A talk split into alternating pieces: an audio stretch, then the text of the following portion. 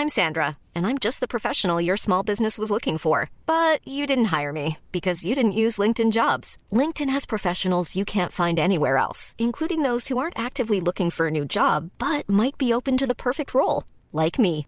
In a given month, over 70% of LinkedIn users don't visit other leading job sites. So if you're not looking on LinkedIn, you'll miss out on great candidates like Sandra. Start hiring professionals like a professional. Post your free job on linkedin.com/people today.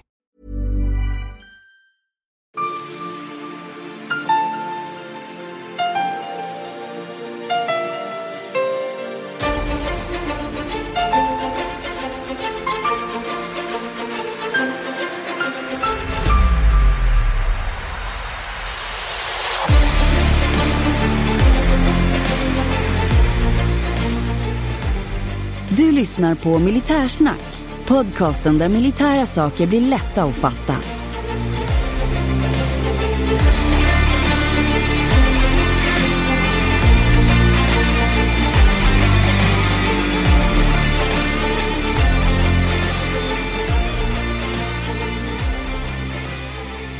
Löjtnant, det är dags för ännu en valpodd. Mm. Idag är det då torsdag och dags för Moderaterna. Jajamän, och Paul Jonsson. Jajamän. Då går vi direkt på och slösar inte bort våra lyssnares tid. De vill höra vad Paul har att säga, inte vad vi har att säga. Jajamän, vi kör på en gång. Ja.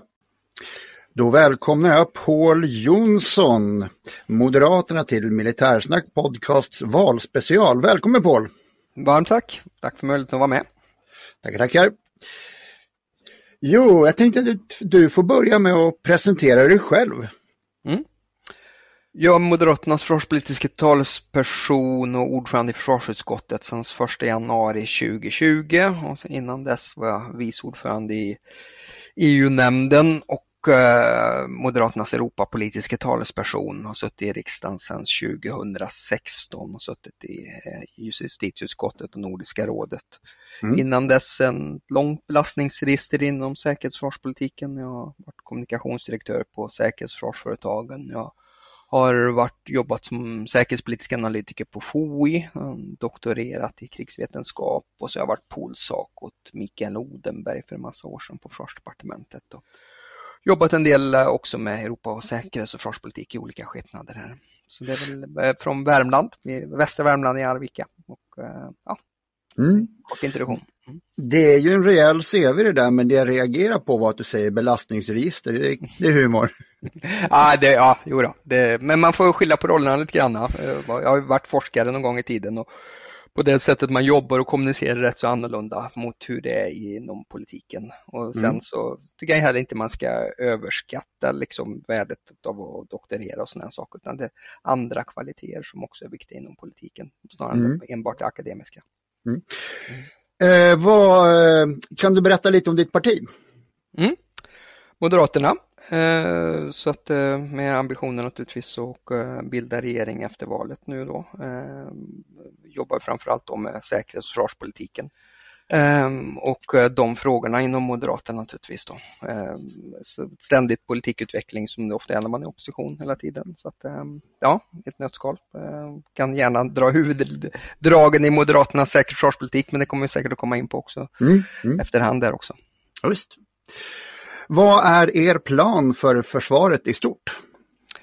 Ja, vårt mål är naturligtvis att skapa en försvarsförmåga, ett totalförsvar som både är krigsavhållande och som kan har förmågan att bidra med stabilitet och säkerhet i närområdet. Och det på engelska brukar det kallas att vi ska liksom bli en säkerhetsproducent eller security producer och det tycker jag är viktigt. Eh, vi pratar om målsättning att gå mot 2% utav BNP 2025 för att kunna finansiera detta. Så vi står inför en betydande eh, militär och civil upprustning framför oss det, som de kommande åren. Jag skulle vilja säga att den allra viktigaste uppgiften här nu, här och nu kommer också bli att framgångsrikt naturligtvis då integrera Sverige och vår försvarsplanering in i NATO. Och jag vill ändå säga att vi har naturligtvis varit den närmaste partnern till landet till eh, NATO. Vi har bidragit i NATOs många internationella insatser och vi övar och tränar med NATO men vi har inte jobbat så mycket med NATOs gemensamma försvarsplanering tidigare.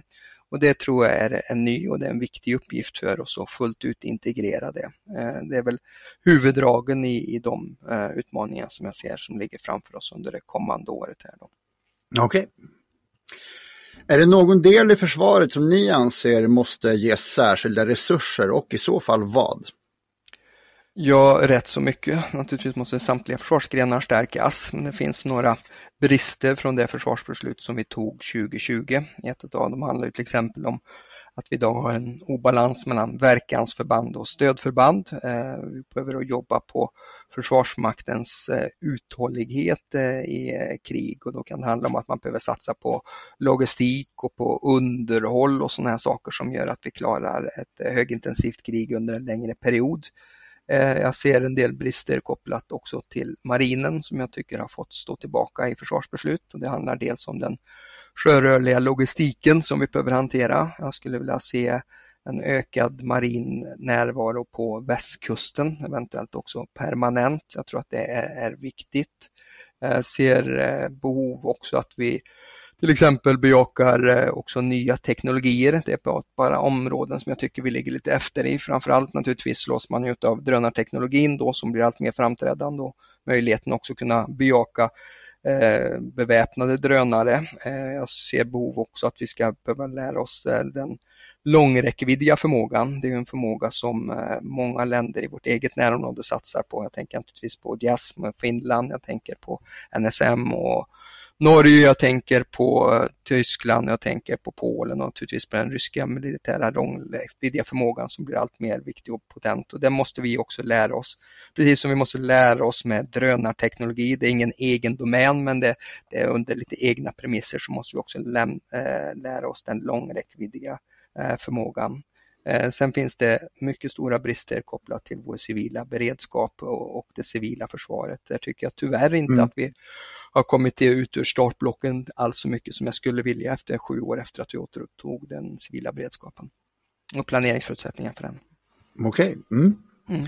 Har du någonting att säga om eh, värnplikt kontra stående förband om vi pratar om eh, överlag i Försvarsmakten? Eh, mm. Ska det finnas eh, stående förband och eh, i så fall, och sen har vi de värnpliktiga delarna. Är det något som Försvarsmakten styr över själv eller finns det någon inriktning som ni kan berätta om? Ja, så här då, jag tycker att det är bra i grunden att vi har ett blandsystem. Eh, värnpliktsutbildningen är ett fantastiskt eh, magasin för att få fram människor som kanske annars inte hade sökt sig till soldatyrket. Det kan vara människor som är lärare, som kanske skulle vara lärare, läkare eller ingenjörer eller advokater som får den exponeringen. Och de värnpliktiga som vi har idag är väldigt duktiga och väldigt motiverade. Så värnpliktssystemet är jätteviktigt. Det är också viktigt för att vi är ett stort land att försvara eh, geografiskt och territoriellt. Så värnplikten är viktig och den kommer att behöva utökas. Sen i de här försvarsförhandlingarna som jag suttit mycket om så har jag också värnat om de eh, K-soldaterna, de, de eh, kontinuerligt anställda soldaterna. Eh, om man tittar på de den beredskapsanpassning som vi gjorde i november och december i fjol så var det i huvudsak K-soldater som var tillgängliga här och nu och då är framförallt i olika typer av gråzonssituationer innan höjd beredskap och krig och innan vi har gjort mobilisering så är K-soldaterna också väldigt viktiga. Plus att det är väldigt duktiga soldater. Gör man någonting i flera år eh, så blir man eh, duktig på det. Ni vet också på volymerna som vi har pratat om att nu ska vi gå upp till 8000 värnpliktiga och vi har ungefär 6800 som målsättning för de kontinuerligt anställda. Eh, vi kommer säkert att behöva bygga ut eh, båda systemen tror jag. Eh, kanske extra mycket med plikten. Men jag tycker att vi istället för att spesa att vi ska ha 15 000 eller 10 000 värnpliktiga så får vi börja i ändan med att och se vilken krigs och grundorganisation som vi ska ha för att fylla upp det. Och sen så är jag villig att öka, öka volymerna på båda delar. Mm. Värnplikten kan ju även utgöra en rekryteringsbas och en, eh, en folkförankring, ett ökat förstående för eh, Försvarsmakten. Eh, två frågor till.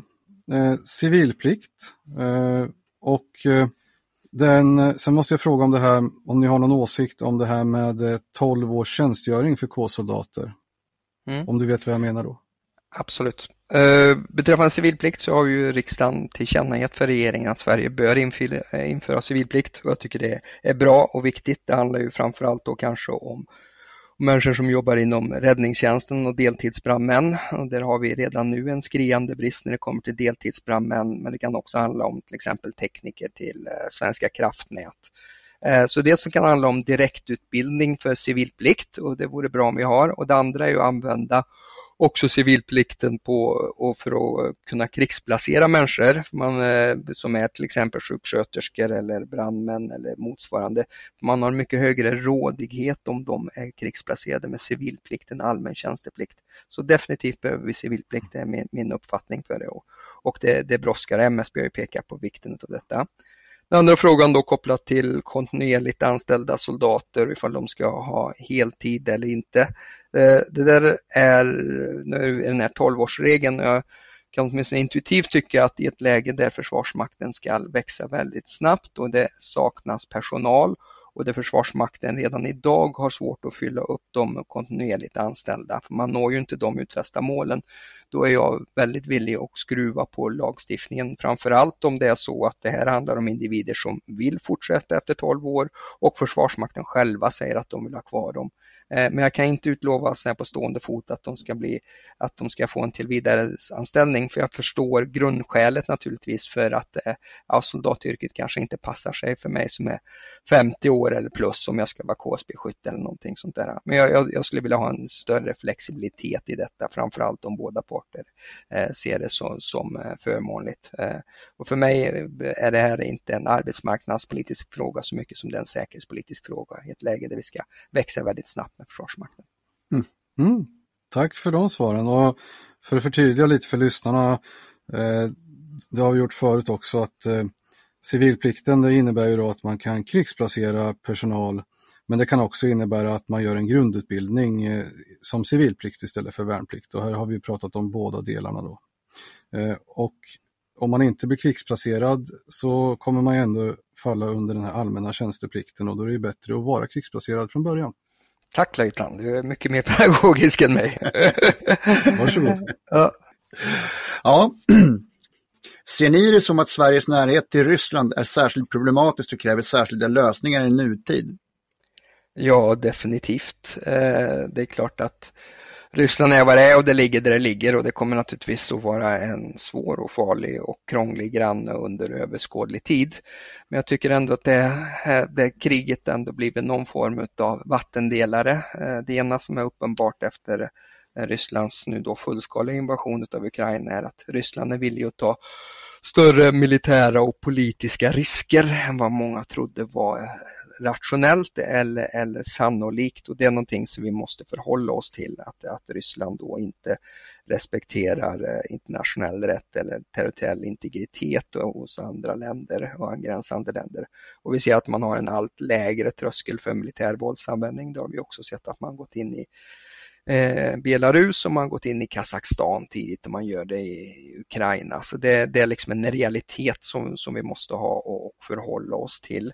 Det andra är också att många av de här instrumenten som vi har för att kunna avskräcka Ryssland vid sidan utav det militära numera är utrönta. Vi har inte så många sanktionspaket mer att hota med eh, liksom, som skulle kunna hota, liksom, vara avskräckande för Ryssland. Diplomatisk isolering är inte heller någonting som biter helt uppenbarligen på Ryssland. Jag är rätt så dyster eh, när det kommer till förutsättningarna för relationen mellan väst och Ryssland och jag bedömer att den kommer att bygga på någon form av containmentpolitik eller isoleringspolitik från väst gentemot Ryssland. För eh, Ryssland, det går, man står inte fast vid sitt ord och, och man agerar på helt på sina egna villkor.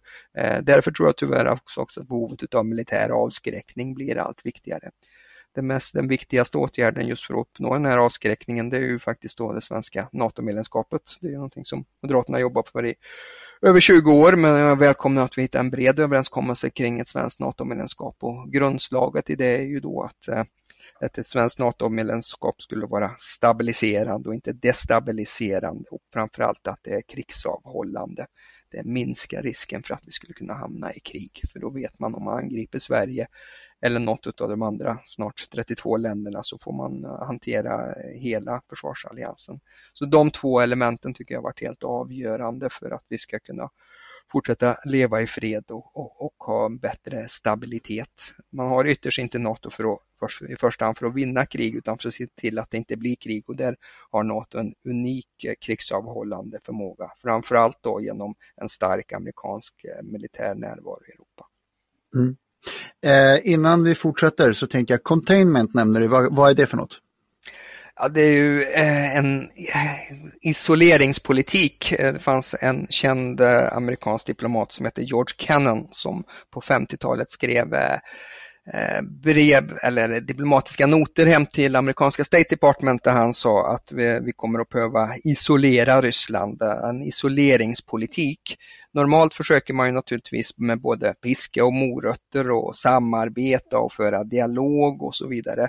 Men jag ser inte att den vägen skulle gå, vara speciellt fruktbar med Ryssland utan jag tror framförallt att vi kommer att behöva se till det som heter på engelska good fences make good neighbors och att vi, att vi har en stark krigsavhållande förmåga. Min bedömning är att, att Putin kommer inte att stanna förrän någon, han möter motstånd någon annanstans hela vägen ut ur, ur naturligtvis med kriget det, som man nu eh, bedriver med Ukraina. Det handlar ju om att vi måste ha en tvåspårspolitik med maximala sanktioner och maximala vapenleveranser enligt mig till, till Ukraina.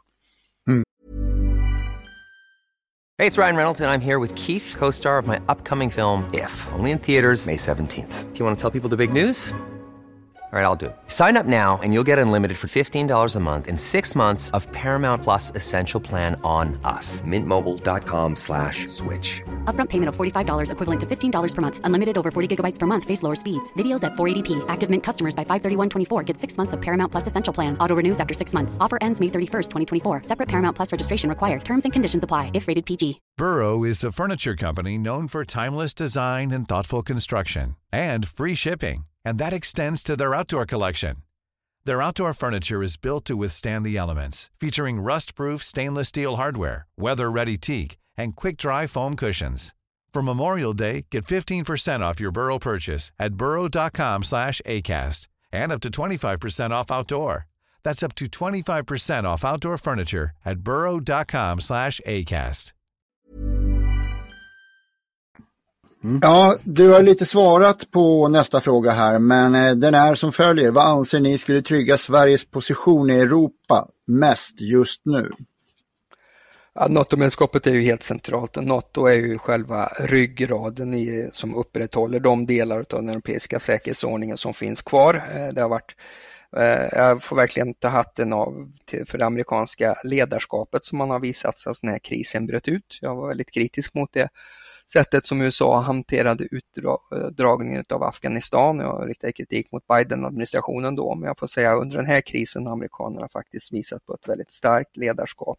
Mm. Både på det sättet som man delade information med européerna tidigt och man lyckades få ihop det starkaste sanktionspaketet.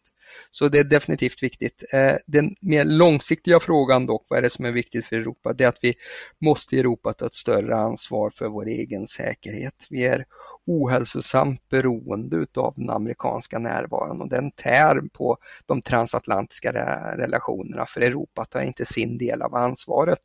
Eh, och den andra dimensionen på det är ju naturligtvis då att eh, att det är bra att man har ett 2 mål eh, för det tvingar de europeiska allierade att sträcka på sig helt enkelt i termer av försvarsutgifter.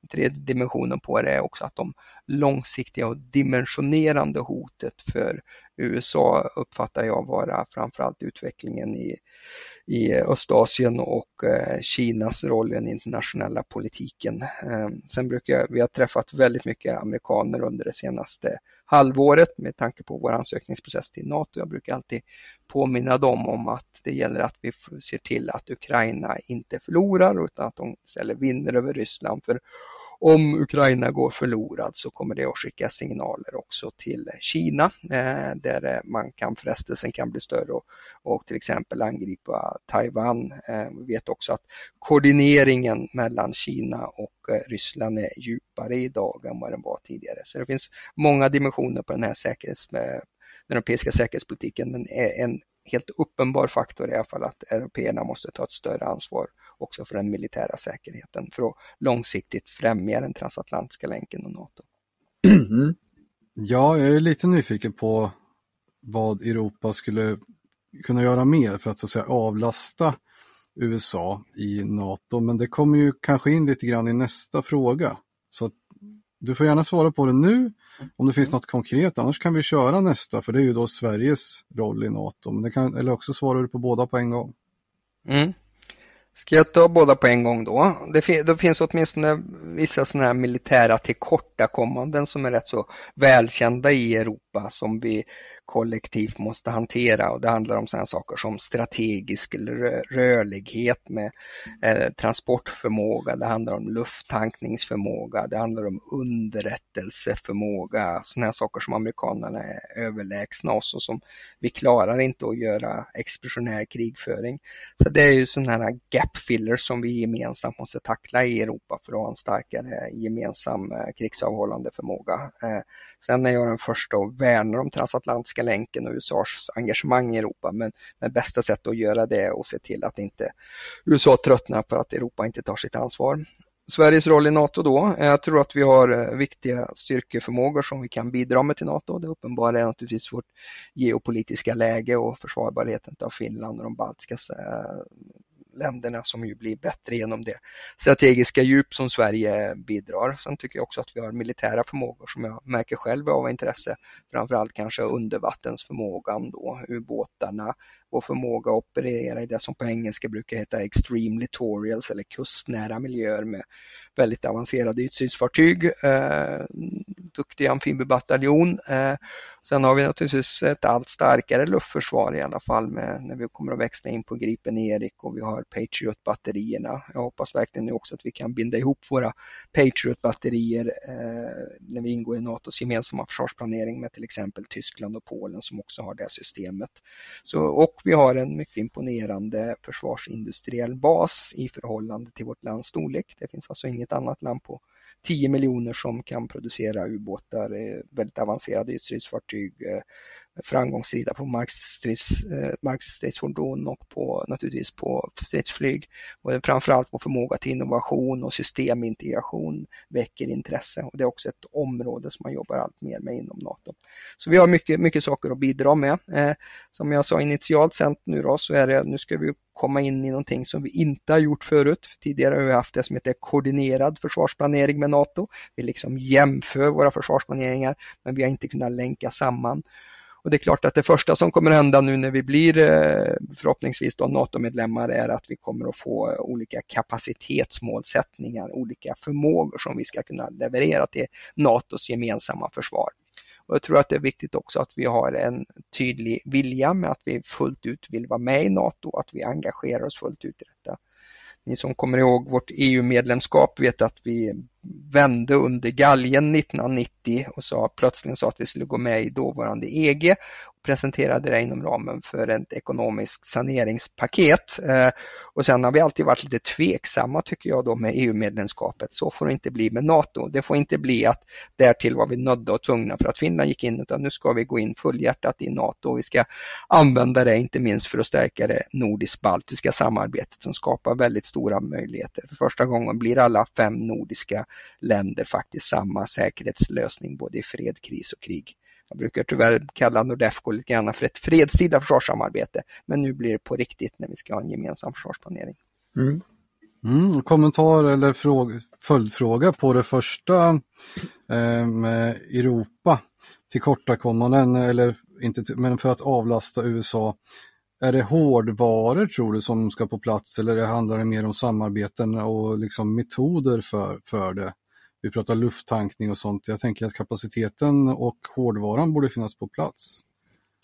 Ja, till, till del så finns det väl det också, men det finns nog en del såna här förmågegap som vi saknar och sen så har vi en lite för låg beredskap framförallt på markstridskrafterna. Det är svårt ibland att få fram de här förbanden tillräckligt snabbt för att de ska logga in i NATOs gemensamma försvarsplanering. Nu nämnde jag ett antal sådana här äh, militära tillkortakommande. Det man också ska ha klart för sig är, det finns ett begrepp som heter strategisk kultur som innebär liksom viljan och förmågan att gå till krig. Äh, jag brukar ibland få frågan nu kommer liksom Tyskland att ersätta USAs roll när man nu snabbt då ska gå upp till 2% av BNP till 2024 eller 2025. Och då, alltså, jag är inte så mycket orolig för pengarna som just den strategiska kulturen. Har man viljan, den politiska kraften att gå till krig, eh, framförallt om då inte USA skulle fullt ut vara agerad. Och där tror jag att vi europeer har också en hel del att jobba med. Va? Jag tycker att det, det finns en djupare förståelse i den anglosaxiska världen för, för det militärvålds, att militär våldsanvändning ibland kan vara nödvändig för, än vad det kanske gör inom eh, i kontinentaleuropa. Så det finns mycket och så brukar man ju säga att eh, att culture eats strategy for breakfast. Så vi måste ju nog jobba på det här med strategiska kulturen och insatsberedskapen, både mm. politiskt och militärt. Mm, då mm. förstår jag exakt vad du menar. Det var en bra, bra utveckling. Tack. Om eh, NATO-medlemskapet nu går i stöpet, vad bör Sverige göra för att stärka sin position i regionen? Jag tycker ju att eh, man måste ha klart för sig här, här bara för att vi blir NATO-medlemmar och det har jag säkert uppfattar folk att jag tjatat om i 20 år så löser inte det allt utan vi måste också naturligtvis ha en starkare nationell försvarsförmåga. Jag brukar säga att det är både artikel 5 med de gemensamma försvarsförpliktelserna som är viktiga inom NATO men det är också artikel 3 att alla länder själva ska ha en stark nationell försvarsförmåga. NATO vill inte ha in säkerhetsparasiter i alliansen och därför måste vi också med samma frenesi fortsätta och rusta upp vårt nationella försvar just så att det både blir krigsavhållande och att den har förmåga att bidra till stabilitet och säkerhet i närområdet. Eh, jag är faktiskt inte långsiktigt speciellt orolig på att vi inte skulle komma in i NATO. Det, vi vet ju hela tiden nu är det väl sex länder som återstår eller någonting sånt där.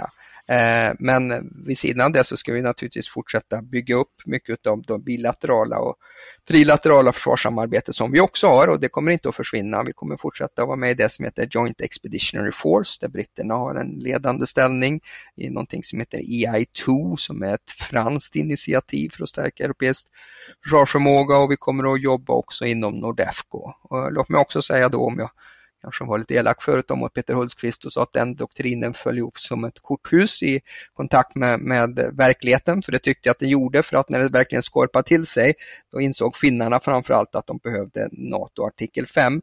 Men mycket av det internationella försvarssamarbete som han och andra byggt upp har ju också varit viktigt för oss att bli mer samspelta och interoperabla som det heter. Det gör oss bättre, eh, gör tröskeln lägre för medlemskapet och det gör att vi har förmågan att agera agera gemensamt. Så det är i grunden bra. Så att vi kommer nog att behöva jobba på mycket internationellt försvarssamarbete, inte enbart NATO. Och framförallt så måste vi höja vår egen nationella försvarsförmåga, alldeles oavsett om vi skulle ha blivit NATO-medlemmar eller inte.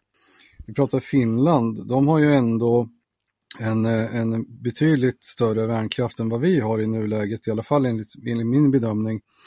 Eh, hur stort hur stor påverkan var Finlands ansökan? Var den direkt avgörande för, för att eh, opinionen skulle vända i Sverige för ett NATO-medlemskap?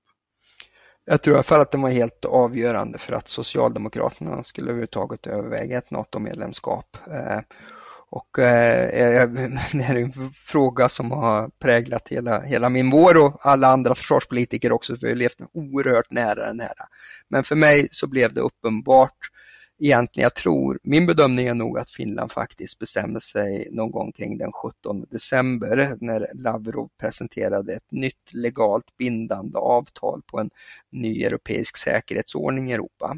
Och den innebar en vattendelare för mig den sa att NATO skulle inte få utvidgas österut så Sverige och Finland skulle inte kunna få bli NATO-medlemmar och NATO var också tvungen att sluta öva i vårt närområde. Det var ju liksom en eh, riktigt eh, svinhugg på Hultqvist-doktrinen. Hela vårt försvarsbeslut byggde ju på samverkan med andra men framförallt så var det första gången som Ryssland på högsta politiska nivå sa att ett eh, NATO-medlemskap för Sverige och Finland då inte var möjligt och det innebär ju då att, fin att Ryssland Ryssland ansåg att Sverige var del utav den ryska intressesfären. Det är totalt oacceptabelt att vi inte själva ska få avgöra våra säkerhetspolitiska vägval. Jag tror att det var starkt kopplat också till Finlands referenspunkter framförallt i finska vinterkriget och man insåg då, man ju tidigare lagt rätt så mycket kraft på att försöka vara någon form av brobyggare mellan väst och Ryssland och och naturligtvis Niinistö träffade ofta, eller ofta, men emellanåt i alla fall med Putin. Man försökte ha en sån diplomatisk relation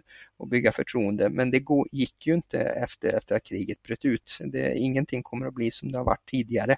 Eh, inte med den brutalitet och eh, den låga tröskel för våldsanvändning som ryssarna använder. Så ja, Finland var definitivt eh, drivhuset för att ett svenskt eh, NATO-medlemskap skulle bli bli av. Eh, sen tror jag faktiskt, utan att framförhäva mitt eget parti, att vi hade en viss press på, på regeringen, inte minst genom när vi deklarerade och sa om Finland blir NATO-medlemmar och Sverige väljer sig att stå utanför så bedömde vi att det medförde större säkerhetspolitiska risker för Sverige. Men det innebar också att Socialdemokraterna, och det är naturligtvis min tolkning som moderat, eh, skulle göra den här frågan till en valfråga. Jag tror inte att entusiasmen var speciellt stor hos Magdalena Andersson och göra det till en valfråga. Och ärligt talat så tror jag inte, jag är inte helt säker på att den skulle göra sig så jättebra som en valfråga heller då. Så att eh, det var väl lite grann av tankarna. Så Finland var definitivt drivkraften kring detta och sen så fanns det redan i Sverige en hyfsat stark eh, eh, stöd för detta i Sveriges riksdag och en majoritet för det som heter NATO-optionen och sen såg vi att det folkliga stödet ökade också. Men för mig hade det varit otänkbart och stå utanför NATO om Finland hade, skulle ha gått med och vi inte skulle ha gjort det. Mm. Mm. mm. Vad säger Moderaterna? Är det rätt eller fel att skänka och sälja vapen till länder i krig? beror på omständigheterna, eh, är, väl det, är väl det enkla svaret som man kan göra för mig. Vi har ju en krigsmateriellagstiftning men, eh, eh som ju säger att man inte bör exportera eh, vapen till länder som befinner sig i krig. Det är inte ett skallkrav men det är ett börkrav. Eh, men jag tycker ju, jag gjorde det under, brukar referera till finska vinterkriget och det svenska stödet dit och naturligtvis till, till Ukraina. Jag brukar alltid säga att jag tycker att det är både den rätta saken att göra men det är också den smarta saken att göra. Det är moraliskt rätt att Ukraina ska kunna förmågan att försvara sig självt eh, mot den ryska invasionen. Men det ligger också i vårt upplysta egenintresse eh, naturligtvis. Eh, Ryssland blir militärt försvagat utav detta. Framförallt alla deras marxistkrafter är ju kraftigt uppbundna och om det värsta skulle hända och att, att Ukraina går förlorat eller att Kiev skulle falla så skulle det ha så geo, genomgripande geopolitiska konsekvenser också för vår egen säkerhet. Så detta är både den rätta saken och den smarta saken att göra att fullt ut stötta Ukraina. Mm. Absolut. Mm. Vad, om något, bör Sverige se till att hjälpa Ukraina med mer? Mm. Jag tycker faktiskt att vi gör för lite när det kommer till stöd till Ukraina. Och det finns eh, olika mätningar som pekar på det. Jag tror inte vi är något av de 15 största bidragsgivarna till Ukraina. Jag tyck, tittar ändå på länder i vårt närområde, framförallt Norge som har gett eh, mer avancerade system, både luftvärnssystem och sjömålsrobotar. Jag tittar på danskarna som till del har gjort. Jag tittar på ett sådant land som Estland som i princip har gett bort en tredjedel av sin försvarsmateriel till Ukraina. Då tycker jag i kraft utav vårt, att detta ligger i vårt eget intresse men också att vi har en betydande svensk försvarsindustriell bas att vi borde kunna leverera både mer och större och mer avancerade plattformar. Ett antal europeiska länder har gradvis steppat upp detta eh, i takt med att Ryssland, att eh, det har blivit offentliggjort om folkrättsbrott med mera som Ryssland har gjort. Och jag tycker också att vi ska eskalera eh, kring detta och jag tänker kanske jag ska försöka att inte gå in allt för mycket. Ja, vi pushade ju på för, eh, för Robot 17. Jag tyckte det var viktigt med att få, få en självmordsrobot och det finns andra system. Men vi har öppnat upp att till exempel har vi sagt att man bör överväga Archer med, med rätt ammunition och det kan finnas luftvärnssystem. Vi måste också kunna leverera den typen av försvarsmakt, inte bara som vi kan undvara utan också som Ukraina behöver. Och eh, så, så det här tycker jag faktiskt att vi kan göra mer och andra länder i vårt närområde tar ett större ansvar och gör mer där också. Nu sa du um, Archer med rätt typ av ammunition och då gissar jag att det är bonus som ska in på vågrätt 3. Kanske. Så kan det vara. Jag tänker inte göra det allt för lätt för motståndaren, men, jag, men kvalificerad och långräckviddig ammunition tror jag skulle vara bra för ukrainarna att ha. Det här är ju en förmåga som helt uppenbarligen Ukraina har efterfrågat från Sverige också. Ja. Eh, sen må, ja, mm. eh, men sen får man, man ska naturligtvis väga det mot våra egna operativa behov och, och, och, hur snabb omsättningstakten kan vara. De har redan sex eller sju olika artillerisystem att hantera och de måste ha life cycle kost och underhåll och så. Här. Men om, om ukrainarna själva identifierat detta som, som en bra och viktig förmåga så är jag i alla fall öppen för, för att överväga och, och göra det. Ja, sen finns det ju andra ammunitionstyper också givetvis. Precis. Jag tänker att motståndaren har ganska bra koll. Eh, i och med ja, det har säkert. Det, det, det, är även googlingsbart, mm. men ja. eh, det är mindre kontroversiellt kanske och enklare att ge bort eh, ammunition än hela system. Så kan det vara, Så det är, Absolut. också, mm. det är mm. också en möjlighet. Ja. För de kan ju skjuta det mesta i de här trippelsjuorna till exempel. Precis. Och ytterst är det här är en bedömning också som Försvarsmakten bör göra, så jag ska ju egentligen inte som politiker avgöra detta. Jag kan ha uppfattningar kring det, men jag kommer alltid att lyssna på professionens inrådan innan, innan något sådant här beslut fattas. Jag vill ju inte eh, liksom fatta beslut på mina egna amatörspaningar så att säga. Men Absolut. jag tycker det är principiellt viktigt med större och mer avancerade system och att vi eskalerar och att vi ger den typ av försvarsmakt, eh, försvarsmateriel som Ukraina behöver, inte bara vad vi kan undvara.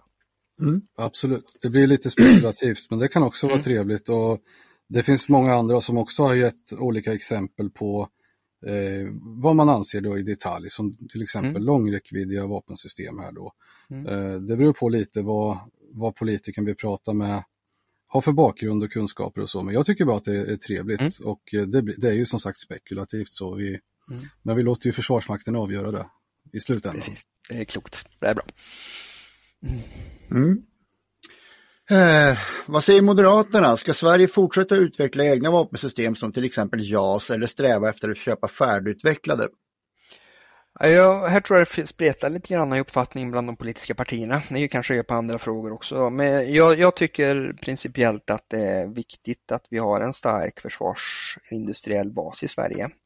Eh, inte så mycket för jobbens skull, eh, för det här är väldigt kvalificerad arbetskraft som säkert klarar att skulle ställa sig om till liksom andra arbeten. Eh, men, men det är säkerhetspolitiskt viktigt och, och det är en fråga som har växt i dignitet. Eh, dels har man hela frågan kopplat till försörjningssäkerhet och det är klart att den på riktigt blir, blir viktig när det skorpar till sig i närområdet. Då kanske jag tänker framförallt försörjningssäkerhet på ammunition, där vi vet att inom västvärlden finns en hel del brister och man märker ju det på på, för om man uthålligt ska hantera en konflikt så måste man ha den förmågan att producera ammunition. Men säkerhetspolitiskt är naturligtvis den här eh, industrin också viktig för den bygger väldigt långsiktiga strategiska relationer med viktiga partners. Vi skulle aldrig i Sverige kunna bygga stridsflygplan om det inte var så att vi hade ett väldigt starkt militärtekniskt samarbete med USA som går tillbaka sedan 50-talet. Det är en unik förmåga till till framförallt till systemintegration. Alla, de flesta länder kan nog bygga en nos eller en vinge eller någonting men, men att integrera alla de här delarna det är unikt och det ger mig som politiker tillträde och på marginalen inflytande. Jag märkte det när vi hade de här förhandlingarna med beträffande NATO-medlemskapet. Det finns ju liksom en uppenbar parlamentarisk dimension i och med att det är nationella parlament som ska ratificera detta som vi pratar mycket med andra och det är klart att det var ju en markör, vår förmåga att kunna producera den här typen av försvarsmateriel då. Eh, Sen har ju frågeställningar kopplat till försvarsindustrin totalt vänt upp och ner de sista 57 åren. För 57 år sedan då pratade man om överetablering, om duplicering och fragmentisering och så vidare. Nu det som håller mig vaken i relation till försvarsindustrin det är framförallt dess leveransförmåga. Vi har väldigt långa ledtider nu för alla länder ska växa samtidigt. Eh, den stora game changern på den europeiska försvarsmarknaden är naturligtvis att Tyskland ska lägga ungefär 1000 miljarder fram till 2025 och det är klart att nu måste liksom produktionstakten öka. Vad jag försöker säga med allt detta, det är att jag tror att vi kommer att behöva förhålla oss till vår försvarsindustriella förmåga på ett sätt som vi kanske inte behövde göra på, för fem till sju eller åtta eller tio år sedan. Då var det marknadskrafter och det var en industri bland övriga och så vidare. Men jag tycker att dess säkerhetspolitiska relevans har ökat högst avsevärt och jag tycker vi ska fortsätta ha förmågan att kunna göra kvalificerade material och system i Sverige. För mig dock så är det viktigt ytterst för att den ska vara långsiktigt hållbar, det är att det finns förutsättningar för att exportera den. Annars brukar jag säga att den kommer att bli dyr, dålig och tvingas köpa av den. Vi måste kunna dela utvecklingskostnader. Jag har gått lite hårt åt emellanåt med nästa generations ytstridsfartyg eh, där jag ville se också en internationell dimension, att det fanns avsättning för den på marknaden. Annars så blir det rätt så dyrt och svårt om man inte får upp de längre serierna. Sista punkten på detta är också att jag tycker att vi borde ha en försvarsindustristrategi i Sverige där vi prioriterar och prioriterar bort vad vi ska göra och vad vi inte ska göra. Eh, och också som ger någon form av strategisk vägledning för den industri som är verksam, vad, vad man bör prioritera. I Sverige har vi en materiell upphandlingsstrategi. Jag har själv suttit med i den utredning som har sett över den då. Men det är en upphandlingsstrategi där man liksom eh, lite du säger chasing cost eller jaga kostnader. Jag vill också ha en materiell strategi som väger in säkerhetspolitiska övervägande och också som driver innovation i Sverige.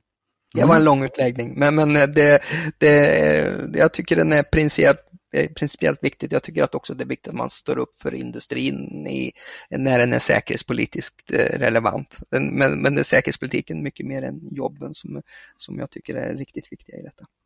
Vi pratade om det här i något annat eh, avsnitt med eh, lagen om offentlig upphandling och, och kanske mm. eventuella lagstöd för att kringgå den när det gäller eh, nationens säkerhetsintressen. Och vi pratade också någon gång Eh, och då sa jag då den gången och jag säger det nu med att jag var ute och simma på djupt vatten. För vi pratade om eh, just det här med, med ledtider och beställningar och eh, om Sverige skulle få gå före i kön och då sa jag någonting i stil med att eh, i krig borde i alla fall finnas eh, eh, i någon låda någonstans, någon dammig förfogandelag och att kunna ställa om industri och sådana saker. Men eh, det, då fick det här partiet hemläxa att, att kolla upp det. För jag vet inte och jag vet inte om du vet men eh, Två dimensioner, Eh, absolut. Eh, två dimensioner på det som jag tycker är jätteintressant. Dels så har vi ju LOU och så har vi ju LUFS då som är en speciellt lagrum för att man ska kunna direkt upphandla för produkter inom säkerhets och försvarsområdet där man kan faktiskt kringgå då. Eh, och det tycker jag man kan på vara lite djärvare och använda lite oftare och också driva innovationsupphandlingar. Samtidigt är det, tycker jag någonstans också det är viktigt att man inte, liksom, det finns ju någonting som heter artikel 296 som gör att försvarsmarknaden är undantagen från EUs försvarsupphandlingsregler. Eh, samtidigt tycker jag inte vi kan bli helt för allt för protektionistiska heller för våra svenska företag har ju Eh, exportmarknaden är mycket viktigare än hemmamarknaden så att eh, det är klart att det finns en, en öppenhet där, i, där i kring. Så att eh, de olika lagrummen den andra delen är ju, och den hör jag ibland då så här med, när det civila försvaret och förfogandelagen och det är klart att vid krig och krigsfara där har vi ju ett antal väldigt starka fullmaktslagar. Samtidigt så måste man nog ha klart, det räcker inte bara med att den lagstiftningen finns utan den måste ju också övas och tränas och beredskapsplaneras för. Eh, annars så kommer det liksom inte att funka krig. Och sista punkten då, och där tror jag det finns utvecklingspotential men det är ju så att man kan ju kravställa på leveranser vid fred, krig och kris då, eh, framförallt naturligtvis när det kommer till materiell försvars Eh, för försvarsprodukter och det vet jag inte exakt hur mycket staten har gjort tidigare men jag tror det finns en mycket, mycket högre medvetenhet om det nu då. Sen ska man ha klart för sig att många av de här försvarsföretagen, de är också väldigt beroende av internationella underleverantörsled, men då kanske man kan börja med en viss typ av omsättningslager och så vidare. Men eh, viktig fråga att titta, eh, titta vidare på, men det krävs ju att den kuggen i ekosystemet också funkar för att vi ska hantera scenarierna höjd beredskap och krig. Men mm. sammanfattningsvis så Eh, under pandemin så var det en fördel att vara ett land där man eh, normalt sett producerar munskydd och handsprit och i ett krig så är det rimligen eh, fördelaktigt att vara ett land där det produceras ammunition. Eh, det, det, kan man nog tycka. Jag har jättemånga synpunkter på vår bristande beredskap som jag tyckte att pandemin avslöjade då. Inte minst författningsstödet. Vi riksdagsledamöter gjorde ju vad vi inte ska göra under en kris. Vi satte oss och lagstiftade och det vet ni ju med pandemilag, och ordningslag och smittskyddslag och allt sånt där. Alltså, men dels så var det ju också att lagerhållning, det saknades ju. Va? Eh, och det är ju också någonting jag tycker att till del måste vara ett större statligt ansvar än vad vi har haft idag. Och den sista pucken var att jag tycker att det fanns öar av samarbete där det funkade bra mellan det privata och det offentliga eller mellan myndigheter och företag. Men på det stora hela de första månaderna så tycker jag att det funkade rätt så illa måste jag säga. Så mm. pandemin lärde oss en del om de brister som vi har i den civila beredskapen. Och jag tycker att de länder som har ett starkare civilt försvar också var lite bättre tacklade att hantera pandemin, framförallt Norge och Finland. Jag bor ju nära den norska gränsen och norrmännen brukar alltid påminna mig om att det går 11 döda svenskar på en död norrman. Jag tyckte att både författningsmässigt och samarbetsmässigt och ledning och struktur att, att de faktiskt har lite bättre ordning både i Sverige, både i Finland och i Norge och till del på grund av att de har ett mer utvecklat civilt försvar. Det var en lång utläggning men, men, det var, men eh, de, de frågeställningarna är också viktiga för om vi inte får ordning på och stärker den civila beredskapen, det civila försvaret så kommer vi inte heller att få fullt ut utväxling på de rätt så betydande satsningar som vi nu gör på det militära försvaret. Som ni vet, på grund av att Försvarsmakten idag är en så liten organisation eh, och är så beroende av sjukvård, mat och potatis, transporter och kommunikationer. Mm. Så den delen, eh, bristerna i det civila försvaret håller mig eh, lika mycket vaken om natten som bristerna i det militära försvaret får jag säga. Och jag tycker vi mm. ligger lite efter där. Jag tycker att vi har ett bra konstruktivt klimat i försvarsutskottet och vi har det är en rätt så stor styrka med den här försvarsberedningen som ju själva verksamhetsidén är att man ska komma överens. Så att det, det spretar lite mindre inom säkerhetsförsvarspolitiken än vad det gör när vi pratar energi och skola och skatter och sådana saker. Men, men eh, jag tycker det är en styrka om vi kan så många som möjligt kan och verkar ju vara överens om att vi behöver en starkare försvar. Mm. Och sen är vi ju eh, som sagt opolitiska men försvarspositivistiska så vi får tycka om saker som gynnar Försvarsmakten. Och ja. eh, det sista du sa är intressant för vi har ju faktiskt gått igenom en hel del intervjuer här nu och det får man ju lyssna på själv eh, på alla olika partierna men det verkar ju finnas ganska mycket samsyn. Och det, mm, det, är, ju, det är ju verkligen glädjande att det liksom inte spretar åt nio olika håll utan att det finns i alla fall eh, att man drar åt samma håll och det är ju glädjande att, att höra. Mm. Nej, det är viktigt på riktigt faktiskt. Mm.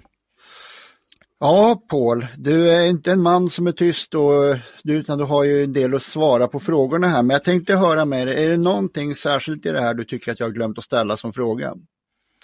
Nej, jag tycker du har lyft eh, i princip alla viktigare frågeställningar som vi har. Men om jag får göra ett medskick då, så jag har varit inne på det flera gånger, men det är att vi nu inte närmar oss, dels att vi inte backar in i NATO-medlemskapet, det ser jag som jätteviktigt och en viktig politisk uppgift att vi inte gör det, utan att vi fullt ut nu bejakar den, den dimensionen. Men också att vi gör det med ett mått av ödmjukhet. Vi har varit nere i Bryssel några gånger och, och till pratat med de som jobbar med gemensam försvarsplanering. Och nu måste vi också komma ihåg att nu handlar det, det handlar inte bara om att få försvarsgarantier utan att vi också ska ge försvarsgarantier. Och Det kommer att dimensionera och inrikta vårt försvar på ett helt annorlunda sätt. Så den tiden när vi satt själva och gjorde försvarsöverenskommelser, jag har själv suttit med de här Excel-arken och man förhandlar och ger och tar lite artilleri och lite pengar till eh, FRA och lite cyberförsvar och sådana saker. Den tiden är förbi utan vi kommer nu på allvar och integreras och det ytterst är ett, ett slutgiltiga uppbrottet med 1812 års försvarsneutralitetspolitik tror jag på ett sätt. Det är väl den riktigt stora utmaningen som vi har nu i närtid. I kombination också, det man kunde ha pratat mer om och det är naturligtvis då EUs roll i ljuset av att vi redan i januari 2023 ska vara ordförandeland för EU. Mm. Men det kan ni ju tänka på att göra ett nytt avsnitt eh, beträffande det svenska ordförandeskapet och eh, framförallt EUs säkerhetsförsvarspolitik, EUs säkerhetsförsvarspolitik som ju också utvecklas rätt så snabbt under de senaste åren. Mm. Mm. Absolut, det får vi se. Ja, Paul, har du några avslutande ord? Nej, tack för att jag fick vara med. Det var kul. Ja, jag tänkte om man vill veta mer om eh, försvar och politik, vad lyssnar man på för podcast då? Ja, vi har ju själva en egen podcast då, som är så vulgär så att jag marknadsför som heter Håll gränsen med, med mig och Moderaternas eh, utrikespolitiska talesperson Hans Wallmark och vår Europapolitiska talesperson Jessica Rosvall. Men jag tycker också att det finns flera andra bra poddar. Jag lyssnar med behållning på Aftonbladets eh, höjdberedskap och jag tycker att Fri Värld har bra poddar på om, eh, om säkerhet försvarspolitik och sen finns det en massa bra, framförallt amerikanska poddar som man kan följa också som, som är intressanta. Och sen ska jag naturligtvis lyssna i kapp, eh, jag lyssnar, jag har hunnit lyssna några av era eh, avsnitt men jag ska lyssna, jag, jag kom en bit på vägen i alla fall. Men ja, tack för att jag fick upp ögonen på det. Mm. Trevligt. Men då Paul, ja, då tackar vi så mycket och önskar dig så mycket lycka till i valet. Tack så mycket och tack, tack för att jag fick vara med. Tack Stort tack! Hej! Hej då, hej Ja, då har vi alltså hört Moderaterna och Paul Jonsson. Jajamän. Den här intervjun fortsätter ju och jag kan säga att vi hör ju att de här frågorna som blir samma, vi kanske tänkte lite fel från början för att nu kör vi lite, det blir lite repetition i mina öron men man, vi måste ju ge samtliga politiker samma chans. Absolut, det måste vi göra. Och eh, som vi sa redan när vi startade, att de får ju samma frågor men det kan ju skilja på följdfrågor och resonemang. Mm. Och då har jag en följdfråga, vem får vi höra imorgon? Imorgon fredag så är det dags för Vänsterpartiets eh, Hanna Gunnarsson. Hanna Gunnarsson. Men då säger vi tack för idag och inväntar henne imorgon. Det gör vi. Tack så mycket. Hej då, hej då. Hej!